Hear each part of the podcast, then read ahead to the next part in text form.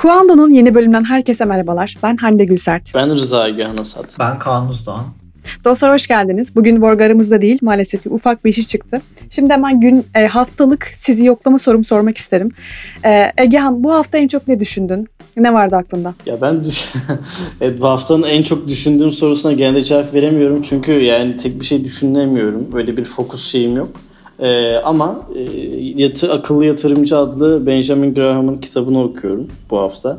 Ee, bunun dışında da yine Desert Island'ın yeni sayılarını e, dinlemekte oldum. Genel olarak böyle geçti. Akıllı Yatırımcıyı ben de okumaya çalıştım bu arada bir zamanlar. Benjamin Graham'ın çok muazzam bir kitabıdır. Ama yarıda kaldı falan böyle. Çok akmadı. Hani gerçekten Öyle o mi? mindsette olman lazım galiba Egen. Hani gerçekten ben bundan bir şeyler öğrenip yatırımcı olmak istiyorum falan demen lazım sanıyorum.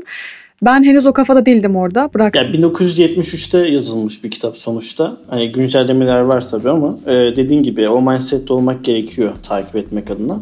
Ama yarısına kadar gelmen de bence gayet başarı. Şeyde ulusların zenginliğinde de bayağı ilerlemiştim. O da sonlandıramadığım derin ekonomi içeren kitaplardandır. Ama be- benim de ilgim var. Pareto'ya buradan sevgilerimiz de diyerek. Aynen öyle. Aynen Evet. evet. Kaan'cığım sen ne düşündün bu hafta? Ne vardı aklında? Bir şey düşünemedim. Diyecektim ki aklıma şu geldi. Ben Social Dilemma'yı izledim bu hafta. Aa, Güzel. onu ben de başladım bitirmedim. Evet. Bak. Güzel. Ee, bizim de zaten burada sık sık değindiğimiz konulardan. Ee, başta şey diyecektim ben yani izlerken yani çok da karikatürize etmişler falan gibi bir tepkiyle karşılaşacaktım ki aslında onun hani yaptıkları benzetmenin karikatürizasyonun bir anlaşılır kıldığını fark ettim yani. Bir şey yapıyorlar çünkü bir kullanıcıyı böyle Evet, kukla evet. gibi işte koyup işte üç tane böyle kötü adam koyuyorlar oraya vesaire. Ben onu bayağı faydalı buldum.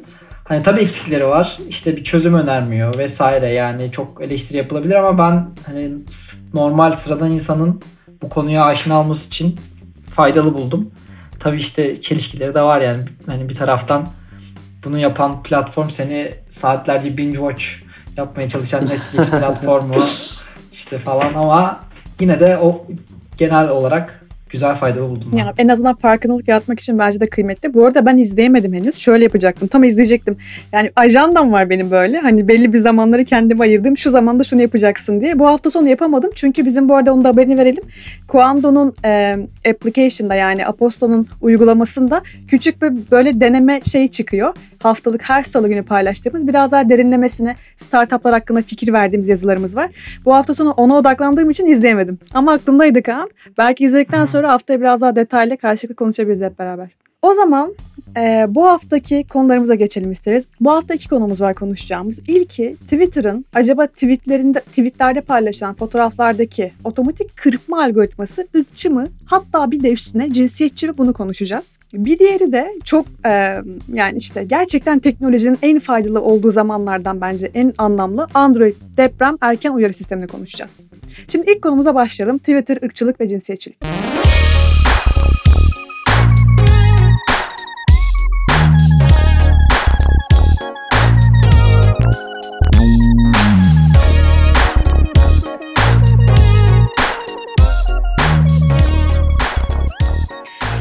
Şimdi öncelikle bir adım geriden gelmek isterim. Şöyle ki hani em, ön izlemelerde veya thumbnail'lerde kullanmak için fotoğrafları kırpmak isteyebilirsiniz. Hatta bunun için manuel olarak yani elle yapılan birçok uygulama var kullanabileceğiniz. Adobe gibi. Bu şekilde yaparak aslında e, bir fotoğrafın ön izlemesini ve işte atıyorum thumbnail'ini çıkartabiliyorsunuz. Bir şekilde biraz daha uğraşarak fotoğrafla. Peki ne oldu? Hani Twitter'la alakalı nesi var bu olayın? Geçtiğimiz hafta sonu bir Twitter kullanıcısı Barack Obama ve Mitch McConnell'ın fotoğraflarını paylaşan bir kullanıcı aslında kendisi. Her defasında diyor ki e, ben hani fotoğrafı paylaşıyorum ikisine ait fotoğrafı ve her defasında bembeyaz olan Mitch McConnell'ın e, suratı, yüzü e, ön izlemede görünüyor diyor. Hiç Barack Obama seçilmiyor nedense diyor. Acaba burada bir taraf mı var gibi ortaya bir şey attı açıkçası Twitter'da.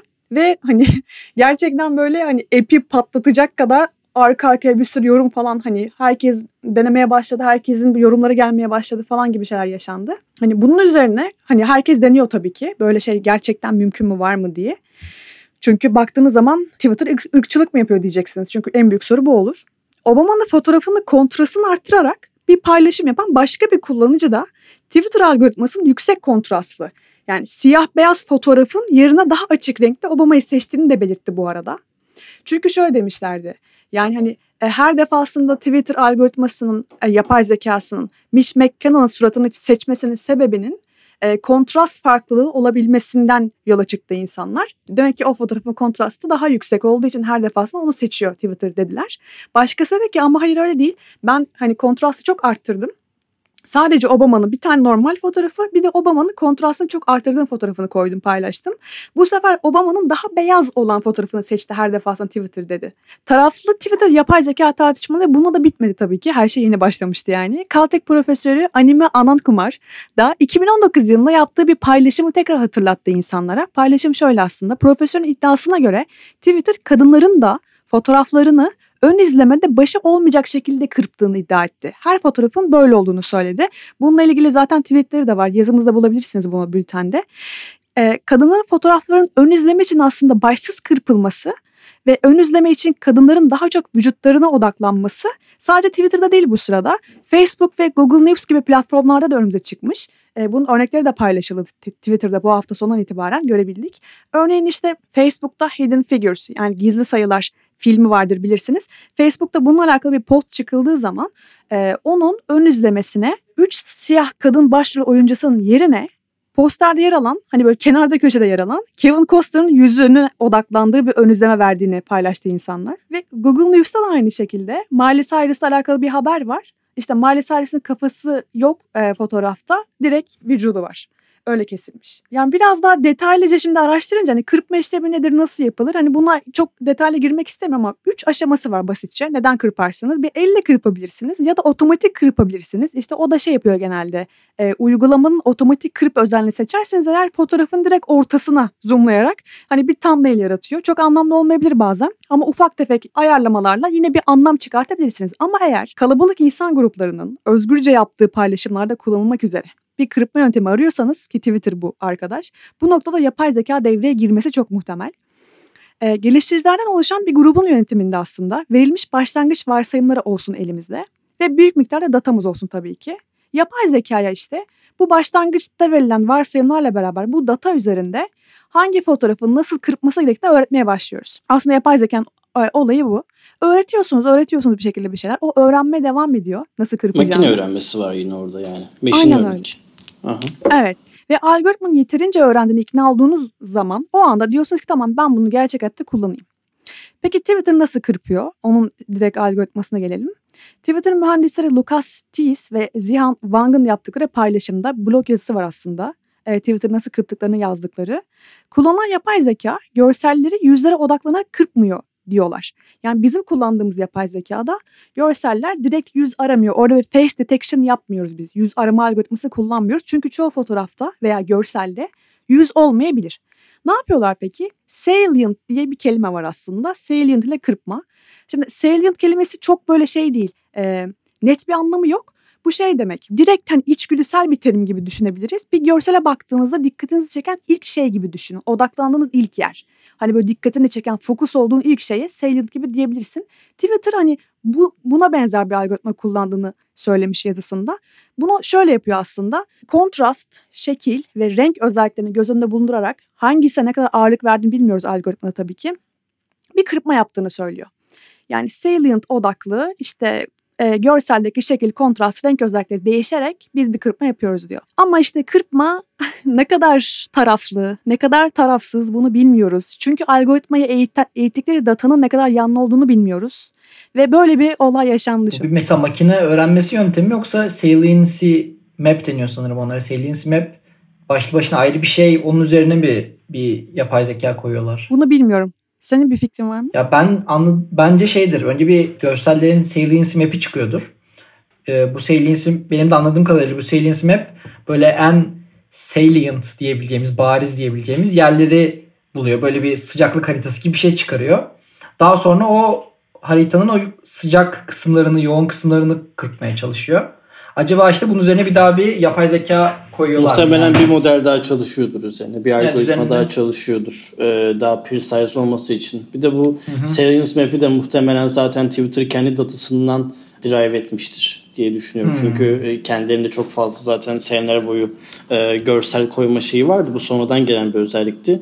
İnsanlar nereye bakıyor, en çok nereye odaklanıyor gibi Evet. datayı zaten çok kolay bir şekilde track etmişlerdi. Çok fazla İngilizce kelime kullandım ama terminolojik e, idi. O yüzden Direkt dedi. Türkçeleştiremedim. Ee, kusura bakmayın. Bu arada şöyle de bir tweet, tweet atmışlar. Şey e, farklı bir aynı tweet aynı kişiler var. Bu yine bir e, siyahi bir insan var beyaz bir insan var. Bu sefer siyahi insanı e, seçiyor. Demişler ki bunu nasıl yaptın? Birisi de altına ofansif bir şaka yapmış. Demiş ki Dark Mode'da açtı herhalde Twitter'ı diye. Böyle Ay, şeylere de tabii biz e, Kuanda olarak prim vermiyoruz ama şey şaka yani sonuçta. Güzel. Keşke ben yaptım diye söyleseydin Egehan. Daha komik olacak. Çünkü herkes Yok, bir, bir, bir, bir arkadaşım yapmış. güzel ben şey. yaptım desem insanlar inanabilirdi o yüzden. Evet, Ee, Egehan öyle evet. evet. değil. Öyle bir biri insan değil. değilim. O öyle biri değilim. Bu arada e, şey ben de TED, TED konuşması izlemiştim. E, orada bir ablamız e, bu bilimle uğraşan bir ablamız şeyden bahsediyordu. Yine böyle e, aslında bütün gelişmelerin, bütün teknolojik gelişmelerin yanlı ve taraflı olduğundan. Yani sadece fotoğraf kırpma gibi küçümsemekten ziyade, yani o kadar belirli bir e, vakadan ziyade biraz daha geniş düşündüğümüz zaman bu durumu. Mesela o şundan bahsediyordu. Çok eskiden izlemiştim bu arada. Demişti ki e, işte zamanında bu arabaların, e, otomobillerin içindeki hava yastıkları vardır ya, onu geliştiren e, mühendisler tamamen işte böyle orta yaşlı, hani normal ortalama bir erkek boyutuna göre oluşan bir geri- ekipten oluşmuş bu insanlar. Bu hava yastığını geliştiren insanlar nedir işte o? Atıyorum işte 1.80 ile 1.88 boyları arasında ortalama şu kadar kiloya sahip işte 8 erkek kişi tarafından oluşturulan bir e, hava yastığından bahsediyoruz. Ve hava yastığı oluşturulduktan sonra da işte kullanıma sunulmuş ve ilk yıllar hani ölen herkesin büyük çoğunluğu ya kadın ya çocukmuş. Hmm. Çünkü işte hani onların yaptığı geliştirme sadece onların personasına uygun. Başka bir şey düşünmüyor. İşte kadın yok çünkü ekipte veya başka bir Şovenist bir yaklaşım. Ya evet ondan bahsediyor aslında. Biraz daha böyle çeşitlilik olması lazım takımlarda. Hı hı, hı. Biraz daha böyle farklı düşünebilen insanların olması lazım. Bunu sadece cinsiyet gibi düşünmeye de gerek yok bu arada. Yani bir şey geliştiriyorsanız eğer, hatta sen yapay zekaya bir şey öğretiyorsan eğer, mümkün olduğunca aslında zaten odaklandığımız şey de budur da hani e, çeşitli şeyden beslemek olur onu. Ama hani insan datası olduğu için günün sonunda yine fark etmeden sen yapay zeka bir şekilde bir yere doğru taraflanır, meyleder. Yani çünkü bilgisayar şey bir şey değil böyle akıllı değil. Sen ne dersen onu yapar yani. O senin aptallığındır. Eğer yapay zeka bir şey bir yere meylettiyse bir taraflı bir cevap veriyorsa, bir şey yapıyorsa bu tamamen insanoğlunun aptallığıdır. Veya öyle istiyor oluştur isteyerek bilmiyorum. Yani orada işte biraz daha şey yapmak lazım galiba. Ee, çeşitliliğe önem vermek lazım. Ee, olabilecek diğer durumları düşünebilmek lazım. Bir tane tweet ben de karşılaştım şey diyor. Her bir e, deterministik olmayan UI uygulaması yani kişinin kendi seçmediği deterministik olmayan bir görsel uygulama. Bunların her biri bir şekilde e, ırkçı olmakla suçlanacak gibi bir şey demiş. Yani aslında öyle çünkü bir yönü çekilebildiği an sizin sisteminizin yaptığı e, kararlar taraf tutmakla, ırkçı olmakla suçlanabiliyor yani. Bence burada önemli olan bir kere kesinlikle bunun e, yani sistematik bir şey olup olmadığı, e, bunun bilerek ve isteyerek yapılıp yapılmadığı artık üçüncü seviye yani diye günümüzde genelde tartışmış şeyler bunun göz ardı edilip edilmediği. Yani mesela yapay zeka sistemleri bilerek isteyerek ırkçılığa kaymasa da artık e, göz ardı edildiği için azınlıklar mesela ırkçı ol, olabiliyor yani sonuç sonuç ırkçı çıkabiliyor ya da işte yeterince adil olmayabiliyor. Artık bunları konuşuyoruz yani güzel olan bu zaten. E, ki Twitter'da sanırım şey yapmış e, bunu bayağı üzerine çalışacağız bunu teşekkür ederiz Aynen. şeklinde Şey e, var. o- olgun bir açıklama yapmışlar. Aynen öyle çok olgun bir açıklama. CTO'nun e, Parag Agrawal'ın yazı e, tweetleri var. Üzerine çalışıyoruz ve hatta bu çok güzel bir şey. Yani bütün insanların bize bu şekilde e, geri bildirim veriyor oluşu çok hoş bir şey demiş ve şey var hani böyle bir mail atarsın şey yap, yaparsın şu anda problemin üzerine çalışıyoruz CC'de şey vardır e, CEO falan vardır onun da böyle tweetinde hani cevapladığı insanlar arasında Jack falan var at Jack falan hani CTO böyle bir cevap vermiş bekliyoruz dediğin gibi Kaan hani adamlar üzerine çalışıyorlar adamlar da çok olmadı hiç seksist Olmadı. oldu İnsanlar Mesela mesela. Aa çok acı gerçek. Şu an utandım. Şu an utandım. Evet. İnsanlar çalışıyorlar. Özür dilerim. Nasıl bir Evet. yanlı konuşmayla fark ettik mi gerçekten? Yiğit burası İşte içim- kalsın. içimize, içimize Aynen. işlemiş içimize. Evet Yiğit'cim burası kalsın. Burayı lütfen kesme. Ben bunu her dinlediğimde utanayım kendimden istiyorum. Peki tamam. O Okey. zaman ikinci konumuza geçelim isteriz.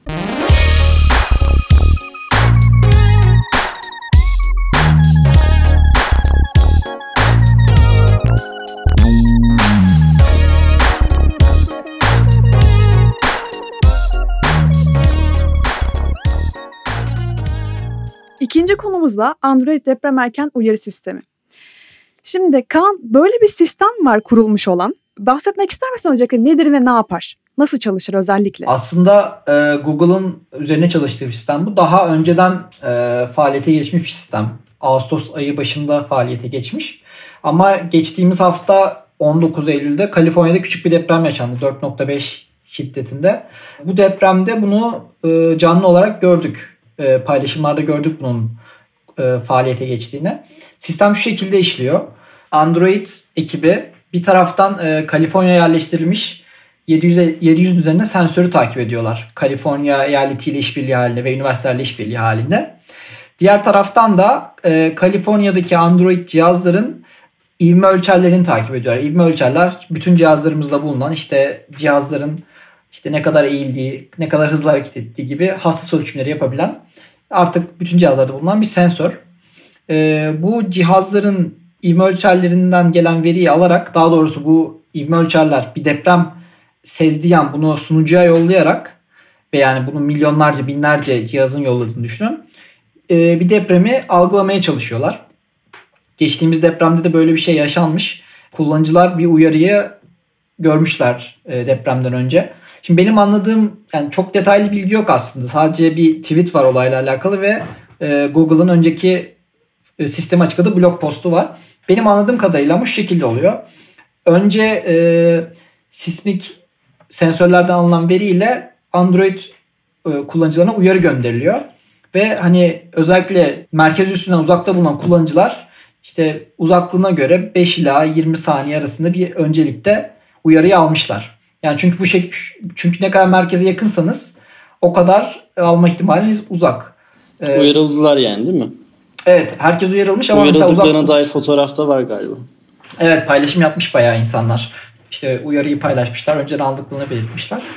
Ee, bu insanlar uyarı gönderiliyor. Diğer taraftan Android cihazlardan veriler toplanıyor ve bu verileri görselleştirmiş Android ekibi. O çok güzel bir görsel. Bunu da yazımızda paylaşacağız. Ee, yani hem e, sensörlerden alınan yani daha doğrusu sismik sensörlerden alınan dalgaların nasıl ilerlediğini görüyorsunuz. Hem de bütün cihazlarda bu dalgaların nasıl tespit edildiğini görebiliyorsunuz. Ve hakikaten de önce işte pi dalgalarını tespit ediyor cihazlar. Daha sonra ikincil secondary S dalgalarını tespit ediyor cihazlar ve hakikaten sistem işe yarıyor. Bunu gösteriyor. Bunda da çok ilginç bir şey var aslında bir nüans var. Ee, deprem dalgaları e, aslında bayağı hızlı hareket eden dalgalar ama ışık hızına göre çok daha yavaş hareket ediyorlar. Deprem dalgaları yaklaşık işte 1 ila 10 kilometre saniye arasında hareket ediyorlar. Ama ışık hızı çok daha az yani veri aktarım hızı 300 bin kilometreye yakın hızda. Bu sayede deprem dalgalarından daha hızlı şekilde uyarı sağlayabiliyor kullanıcılarına Android. Bunun Google şeyden daha doğrusu. farkı ne olabilir peki? Yani mesela Japonya'da falan da böyle deprem öncesi bir alarm sistemi var ya böyle deprem olacak Hı hı, diye. hı. Yine benzeri bir şekilde çalışıyor sanırım. Ondan farkı ne tam olarak? Evet evet ben baktım diğer sistemlere yani çok detaylı bilgi bulamadım açıkçası. Mesela Japonya'nınki sanırım e, doğrudan kişilere de bir uyarı gö- gönderen bir şey. Hı hı, Ee, onun dışında genelde aslında bu sistemler anladığım kadarıyla Türkiye'de de böyle şebekeleri vesaire altyapıları kesmeye yönelik. Örneğin Hmm. suları kesiyorlar, gazları kesiyorlar, elektriği kesiyorlar ve hemen hızlıca müdahale edilebilmesini sağlıyorlar. Şimdi burada Android avantajı şu. Android direkt milyonlarca cihaza aynı anda bir uyarı yollayabiliyor. Fakat diğer sistemlerde örneğin SMS'te vesaire yollamak istediklerinde bu o kadar hızlı gerçekleşmiyor ki saniyelerle yarışıyoruz o sırada. Ee, Android çok büyük bir avantaj sağlıyor bu konuda. iPhone sağlamaz mı peki aynı şey? Onlar ge- ge- geliştirmiş olsa. Ve bu da şimdi yani burada Apple'ı evet evet hani onların e, Apple da yapacağı da bir şey bunu ya bekliyorum. falan diyor. Apple peki nerede, neresinde bu işin cidden merak ettiğimden sordum. Ben Apple ile ilgili bir şey göremedim ama Apple mesela Apple uygulamaları var. Örneğin işte Google'ın beraber çalıştığı Berkeley Üniversitesi'nin uygulaması var. Ee, işte farklı farklı zaten erken uyarı sistemleri var. Apple'da da hani bunlar indirilebiliyor sanırım. Belki ileride entegre de ederler. Çünkü şu an anladığım kadarıyla bunu test ediyor Android takımı. Ee, ve hani işte sensör, sismik sensörlerle bunu karşılaştırarak doğru çalışıp çalışmadığını e, anlamaya çalışıyorlar ki ileride de bunun hem ABD geneline yayılacağı hem de yani Kaliforniya gibi böyle gelişmiş bir sensör ağı bulunmayan ülkelerde kullanılabileceğinin e, sinyalini vermişler ki bence zaten en büyük, en he- heyecanlandırıcı olan da bu. Çok ya bu arada muazzam. Google'la Apple'ın e, araştırma alanlarında yani Google çok gerçekten geniş yelpazede çalışabiliyor. Yani ciddi bir e, enstitü gibi çalışıyor. Apple e, o transformasyonu henüz geçirmiş diyemeyiz. Çünkü daha teknoloji Evet. odaklı ve hani doğrudan donanımsal e, mekanizmalara odaklı çalışıyorlar. O yüzden yani muhtemelen sismik bir çalışmayı Apple'dan beklemek e, bir 50 senemiz alır. yani Doğru, çok o konuda hiç bir intentionları o konuda hiçbir niyetleri olduğunu sanmıyorum. Google biraz daha laboratuvar gibi çalışıyor dediğiniz gibi. Biraz daha böyle e, Facebook da öyle bu arada. bilimsel. Facebook'ta Evet. e, Ahmet Can'dan hatta biz işte CRISPR bebekler hakkında yazı almıştık. Ahmet Can da e, Zuckerberg and Chen Biohub'da çalışıyor. E, ve şey Facebook'un da kendisinin bizzati e, şeyleri var. Yani çok böyle ciddi kapsamlı araştırmaları hem Bitcoin olsun e, yani Bitcoin derken cryptocurrency olsun e, sosyal bilimler olsun işte biyolojik e, ya da medikal e, çözümler olsun hepsine çalışıyorlar. Google da Evet. böyle. Apple bunlardan ayrışıyor bu noktada. şey geldi aklıma mesela. Kan ortalama kaç saniye önce bana haber verir sence? 7-8 saniye mi maksimum? En, en fazla ne kadar vaktim olur? Birazdan deprem geliyor Oo. haberini almak için. En fazla bence şöyle 30-40 saniye olabilir. O da Oo, yeterince iyi. Evet. merkez üstünden uzaksan. Merkez üstünden uzaklaştıkça daha fazla süre sahibi oluyorsun. Şiddetiyle değişeceğini sanmıyorum ben. Şeyin, Şiddetiyle sürenin. değişmiyor hayır yok. Hmm. Yani fiziksel olarak çünkü şey değil. Şiddetini söyleyecek mi peki bana? Hani şu kadar bir Söylüyor deprem. tam. Evet. Wow. Ta, yani benim gördüğüm uyarılarda tahmini işte ölçeği mesela 4.6 ile 4.7 gördüm ben Kaliforniya için. Çok fena. Ben, ben şeyi merak ediyorum. Peki mesela hani sana bildirim geldi. İşte Diyor onu ki, soracağım biliyor İşte musun? 45 saniye sonra şey deprem var. E, Aynen. diyor ki sana 4.5. Çıkar mısın evden? Dört buçukta çıkmam. Ha, Hah, onu işte onu gördük. 4.5'da çıkmaz mısın yani? Evet, evet. Peki 5.2 dedi. Onu da bir düşünürüm. İşte bak onu söylüyorum. Düşünsene sana şey diyorlar hani düşünmeye ne kadar vaktim var tamam? Bunu bir şey yapmak lazım ya. Hani bir denemesini yapmak lazım aslında tatbikatına. Evet Atıyorum evet. işte sana 30 saniye sonra şu kadar şu kadar şiddetli bir deprem olacak diye bir SMS geldiği zaman ne yaparsın? Ne yaparsın mesela. Kaan? Geldi mesela tamam hani 10 saniye sonra işte 7.2 ortalama olabilecek bir deprem olacak. 10 saniye Ya ne onda kaçarsın tabii ki yani. Ya yapacağım bir 10 şey yok kaçar 10 yani. saniyede. Ben 10 O- saniyede kaçarım ya. 10 saniyede telefonumu alırım kaçarım. İletişim cihazı gerekir. Yani Bence şey telefona bakarım dediği yani telefon alıp iletişim cihazı gerekeceği için kaçarım yani. Şeyde zaten süre yazmıyordu şu kadar saniye var falan gibisinden. Hani diyor ki işte ölçek şu kadar ve hani yapman gerekenleri söylüyor işte yere çök bir Hmm. e, korun kendini başını tut falan gibi böyle güzel bir şeyle hani bu e, geçtiğimiz depremde o yoktu ama hani Ağustos ayındaki posta gönderide Ağustos ayındaki gönderide paylaşmışlar bunu. Hani gayet açık ve net hani kullanıcıyı minimum düşünecek şekilde bir e, aksiyon almaya teşvik eden bir görselleri vardı. Ben beğendim bunu yani. Çünkü dediğiniz gibi düşünmek en, en kötü kısım herhalde kararsız kalmak oluyor. Evet ama da şu sıkıntı yani mesela hani 4.5'ta çıkmıyor mesela 4.5 olan mesela 20 saniye sürecek yani yıkıcı bir şeye ulaşacak belki. Aynen belki de değil mi? Diyeceksin ki- süresi ne kadar süreceğini bilemez ama bu arada Aynen. tahminim. Ya yani. orada şeyi düşündüm bir de hani şu pandemi zamanında Türkiye'de de çok olay olmuştu ya hani son bir, bir saat öncesinden diyorsun ki hafta sonu evden çıkmak yasak. İnsanlara böyle paniğe sürüklüyorsun falan bir Evet. şekilde. Hani bu panik Hı hı. belki insanlara daha kötü bir sonuç yarattırır mı acaba gibi düşündüm sadece. Mesela Ka- Kandilli Rasathanesi'nin röportajı vardı bir e, BBC ile. E, habere de linkledim onu. Orada mesela ismini bilmiyorum ama oradaki e, araştırmacı profesör hanım sanırım diyor ki hani biz e, bunun daha büyük bir tehlike olabileceğini düşündüğümüz için daha büyük paniğe sevk edebileceğini düşündüğümüz için e, erken uyarıyı düşünmedik diyor. Bu binary bir şey değil ya. Bu binary bir şey değil yani bir, bir veya sıfır değil bu yani. Yok yapmadık dem diyemezsin bence bu noktada. Yapmanın bir yöntemini bulman lazım. Hani orta yolu Hı hı. bulman lazım. Öyle bir şey olmaması lazım. Çünkü Hı hı. diğer türlü ölecek insanlar böyle de ölecekler. Ben bu bu ölümü seçiyorum gibi bir şey bu yani. Evet, Mantıklı tren, anlamda tren, tren geliyor kolunu etrafa çekersin. Aynen öyle. ya bu arada mesela bununla ilgili olarak o deprem anıyla ilgili olarak şöyle bir şey okudum bugün. Ahmet Işıkara'nın e, seksi seçilme şakasını yapacak, yapacaktım. O yüzden bununla ilgili bir e, araştırma yaparken kaç senesinde seçilmiş falan diye e, oğlunun bir röportajını gördüm. 17 Ağustos depreminde e, işte Ahmet Mete Işıkara ne yaptı diye sormuşlar oğluna. Mesela hani şey bu az önce bahsettiğimiz o karar aşamasından bakacak olursak mesela Ahmet Mete Işıkara şey yapmış e, eşini uyarmış demiş ki sakin ol deprem oluyor şu an demiş.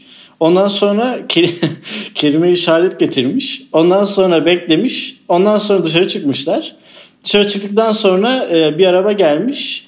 Ve Ahmet Mete Işıkara e, bir buçuk ay sonra gelmiş eve. Kandilli'ye gitmiş işte araştırmaya hmm. falan filan. Sonra bir buçuk ay sonra gel. Yani hani Ahmet Mete Işıkara da sadece deprem oluyor deyip e, kelimeyi tebrik getirmiş. Yani çok e, aslında bizden farklı bir e, yaklaşımda bulunmamış bir, bir anlamda. Yani demek ki o bahsettiğin gibi belki de bunun eğitim, eğitiminin de verilmesi gerekiyor öyle bir durumda.